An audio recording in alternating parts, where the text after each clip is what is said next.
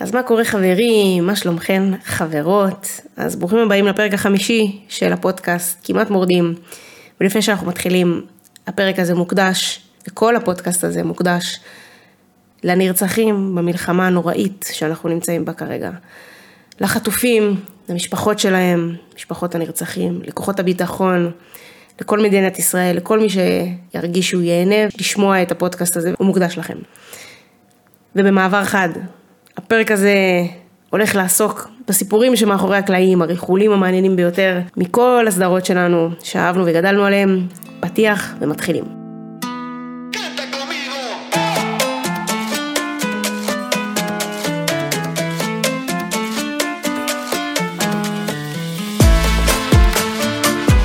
שלום שלום, ברוכים הבאים וברוכות הבאות לפודקאסט כמעט מורדים קאסי רבלדה, הפודקאסט הראשון מסוגו בישראל שהולך להחזיר אתכם ואתכן עשרות שנים אחורה לכל הטלנובלות שגדלנו עליהן. אז אני ירין בן עמי, והולך להיות לנו מה זה כיף, אז קדימה, בואו נתחיל.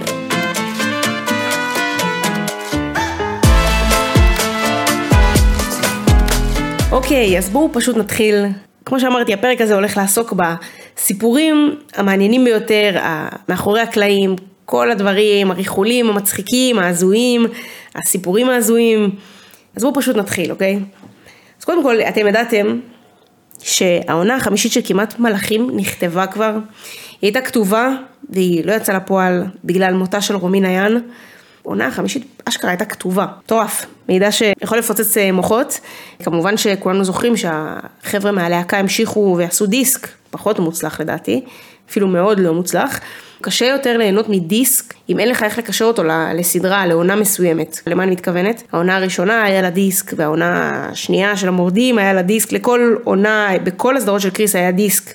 והשירים האלה של הדיסק ליוו אותנו לאורך כל הפרקים בעונות, ופתאום כשמוציאים דיסק בלי קשר לסדרה, אז זה פשוט איבד קצת מהזהות, קצת התקשיתי למצוא את הזהות של הלהקה, במיוחד שהיא גם הייתה בלי קניה סוארס, שהחליפה אותה רוצ'י, זה בכלל היה גוון של צליל אחר ללהקה. קיצור, לא הייתם צריכים, צריך לדעת אה, מתי להפסיק. סיפור uh, מספר 2, אז האם אתם ידעתם שבלי יאיר דורי המדהים לא היה לנו מורדים? אז קודם כל, מי שלא מכיר, יאיר דורי מפיק ישראלי ארגנטינאי, שגם דואג להביא לנו בעזרת השם, שהמלחמה הזאת תסתיים ואנחנו נצא עם בשורות טובות במרץ אמור להיות לנו הופעה של רבלדה סימפרה רבלדה, כל החבר'ה מהמורדים אמורים להגיע לישראל. בכל מקרה, יאיר דורי, מפיק ישראלי ארגנטינאי, חבר לקריס מורנה בשביל אשכרה להציל את המורדים, המורדים אה, לא היה כסף לעשות את הסדרה הזאת, היה משבר כלכלי מאוד גדול בארגנטינה בשנים האלה,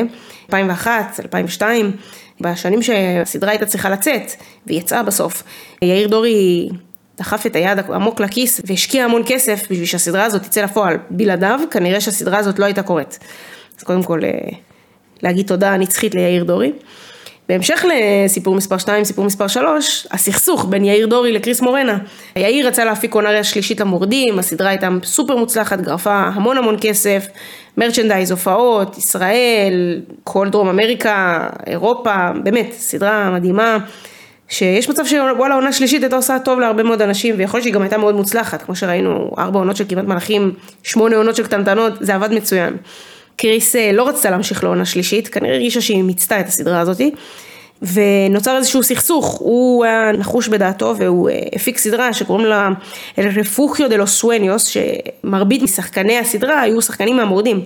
הסדרה הזאת לא, לא צלחה יותר מדי, והיא ירדה מהמסך אחרי כמה פרקים, זאת אומרת היו שם, אם אני לא טועה, זה עבר את המאה פרקים, אבל אה, הסדרה לא הייתה מהמוצלחות. אם לא זיהיתם אותה אז כנראה זה מעיד על אה, איכות הסדרה, אבל כן, משם הדרכים של אה, קריס ויאיר התפצלו, זאת אומרת, יאיר לקח חלק בהפקת הסדרה של פינת אור, שהיא שודרה במקביל לעונה השנייה של המורדים, וזהו, ומשם דרכיהם התפצלו. סיפור מספר 4 ועצוב מאוד, אני מניחה שגם כולכם, ודיברתי עליו בפרקים הקודמים, מכירים אותו. אז מותה של רומין עיין, בתה של קריס מורנה, שמתה כביכול מהתקף לב, אבל היא הייתה אנורקסית.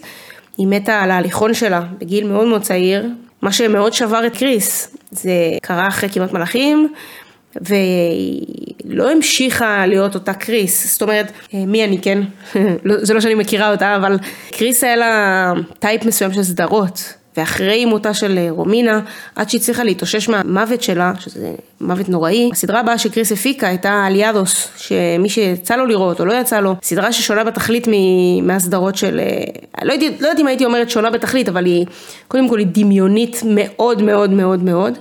הסדרות של קריס, אני יכולה להגיד, שוב, מדעתי בלבד, היה להם איזושהי אחיזה במציאות. יכלנו להזדהות עם הדמויות, זה היה דמויות מציאותיות, עם סיפורים מרגשים ושמחים ועצובים, אבל ברובם מציאותיים, אה, בין אם זה, גם אם היה לנו איזשהו אה, אהודמון או ספר עם מפתחות שאפשר אה, לנסוע איתו לעבר ולעתיד, לעתיד במקרה שלנו, רוב המוחלט של הסדרה היה מציאותי. כך שאליאדוס הייתה סדרה לא מציאותית, היא התחילה ממלאכים וזה באמת היה, בקיצור הסדרה לא הייתה טייפקאסט נורמלי ורגיל של קריס, גם עשתה את הסדרה ודאגה להנציח את רומינה בכל הזדמנות, שזה היה מדהים בעיניי, אני מאוד אהבתי את הסדרה. אז בפרק הראשון סיפרתי לכם, פרק של מנהרת הזמן, שהסדרה הזאת הייתה שונה גם אה, באופי שלה, הייתה סדרה אינטרנטית, היו לה מעט פרקים, עשרות פרקים, אה, שתי העונות ביחד לא הגיעו למאה פרקים לדעתי. בכל מקרה, קריס גם אה, מפיקה סדרה עכשיו מקסיקנית, אבל כן במהלך השנים האלה אחרי מותה של רומינה היא עשתה המון דברים, אה, שוב זה תמיד היה לזכר רומינה, אבל היא איחדה אה, המון אה, כוכבים מהסדרות שלה בשביל שישירו שירים מקטנטנות או שירים מכל הסדרות וזה היה בעצם אומנה כמחווה לרומינה והקימה בית ספר ללימודי ריקוד ומשחק בארגנטינה, היא נשארה בסצנה מה שנקרא אבל לא באותה עשייה בדיוק. סיפור מספר 5, היעלמותה של קמילה בורדונובה, מריצה שלנו, מריצה פיה ספיריטו, שגם הייתה כמובן בקטנטנות והיה לה גיחה בפלוריסיינטה. בסופו של דבר היא החליטה שהיא רוצה לצאת מהרדאר של החיי הכוכבנות תחשבו שהיא על המסך מגיל מאוד מאוד צעיר וכנראה שהיא מיצתה את זה ועברה לגור אה, בדרום ארגנטינה וכבר מ-2013 אנחנו כבר לא ממש רואים אותה. כשעוד אחרי אה, המורדים היא כן השתתפה פה ושם בסדרות, הקימה להקה עם אה, ווילי לורנסו ופליפה קולומבו. בכל מקרה היא באמת דשדשה, בשונה מהמון שחקנים אחרים שקריס ליהקה, שמאוד נשארו בתודעה, בין אם זה העולמית סטייל ללי, לבין אם זה המקומית בארגנטינה, סטייל אה, בנחמין רוחס, שהוא לא עכשיו יצא לאיזשהו קריירה בינלאומית, אבל הוא שחקן מאוד מאוד מוכר בטלוויזיה הארגנטינאית, הוא נשאר בהרבה סדרות של קריס, ואחרי אה, המורדים, וכמובן הוא שחקן תיאטרון מאוד מאוד טוב.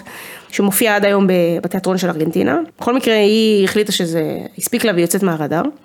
הסיפור השישי שלנו, הבריחה של מריאנו מרטינס מאלמה פירטס. כמו שאמרתי לכם, אלמה פירטס זה אחת מהסדרות האהובות עליי של קריס, ומריאנו מרטינס, הוא היה דמות הראשית שם, שיחק את בניסיו דה מרקו, דמות מצוינת, פשוט מצוינת, כתובה ברמה מאוד מאוד טובה, מרגשת, מצחיקה, פשוט אה, דמות אה, מעולה, כן? מריאנו מרטינס, מי שלא יודע, זה שחקן מאוד מוכר בארגנטינה, ובעצם אה, באזור פרק, אל תפסו אותי במילה 70 ומשהו, הוא נטש את הסדרה, ואז החליטו להרוג את הדמות שלו, ספוילר, מצטערת למי שתכנן לראות.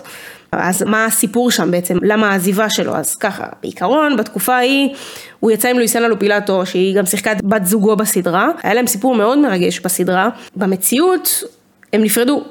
והיו המון המון שמועות שהוא עזב את הסדרה בגלל אה, שהם נפרדו ושהוא לא יכל להמשיך אה, להשתתף בסדרה, מה ששבר לי את הלב באופן אישי, כי זאת הייתה סדרה מצוינת, הם שיחקו זוג מדהים. בפועל ההצהרה הרשמית הייתה שמריאנו מרטינס התחייב לשחק בסדרה הזאת במידה והיא תשודר בשעה מסוימת, ובארגנטינה משנים את השעות של הסדרות, זה קורה, כמו שיכול לקרות בארץ.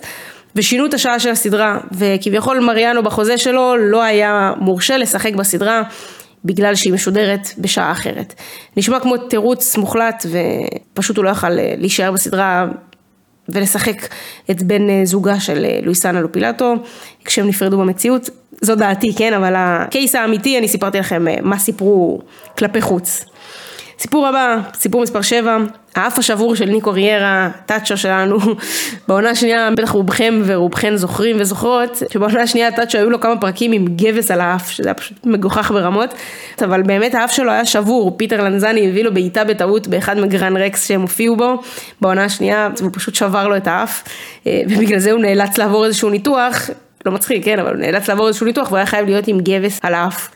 סיפור מספר 8, היציאה מהארון של גסטון דלמאו, לפני כמה שנים גסטון דלמאו יצא בהצהרה שהוא הומו. בוא נגיד שאני תמיד חשדתי, אבל אוקיי, בסדר. לא נשחק אותה חכמה בדיעבד, אבל בעיקרון גסטון דלמאו יצא בצורה רשמית שהוא אה, גיי, אה, הוא יוצא עם מישהו. אה, עד היום לדעתי, לימים שאני מקליטה את הפרק הזה, ב-2023. זהו, זה ככה מגיע לו את הכבוד שלו. כל הכבוד לו. אה, הסיפורים האחרונים קצת מתקשרים אחד לשני, השניים הבאים לפחות. אז קודם כל השם של פינת אור, אז אה, הסדרה שלנו פינת אור, שאני אישית אה, מאוד אהבתי אותה, אני לא זוכרת המון ממנה, הייתי יחסית קטנה, אבל מאוד אהבתי את הסדרה הזאת, וכמובן שהכוכבים שלה הגיעו לארץ, אבל השם של פינת אור, הסדרה הזאת בכלל לא הייתה צריכה להיות פינת אור. הסדרה הזאת הייתה צריכה להיקרא קטנטנות, כמובן. רינקון דה לוס זה השם של המעון בקטנטנות, וזה גם השם של המעון בפינת אור בסדרה. אוקיי, אז יש לנו את ערוץ טלפה. ערוץ טלפה זה אחד מהערוצים המרכזיים אה, בארגנטינה, שבו מרבית מס, מסדרותיה של קריס שודרו. הסדרה קטנטנות הייתה שייכת אה, לערוץ, לטלפה.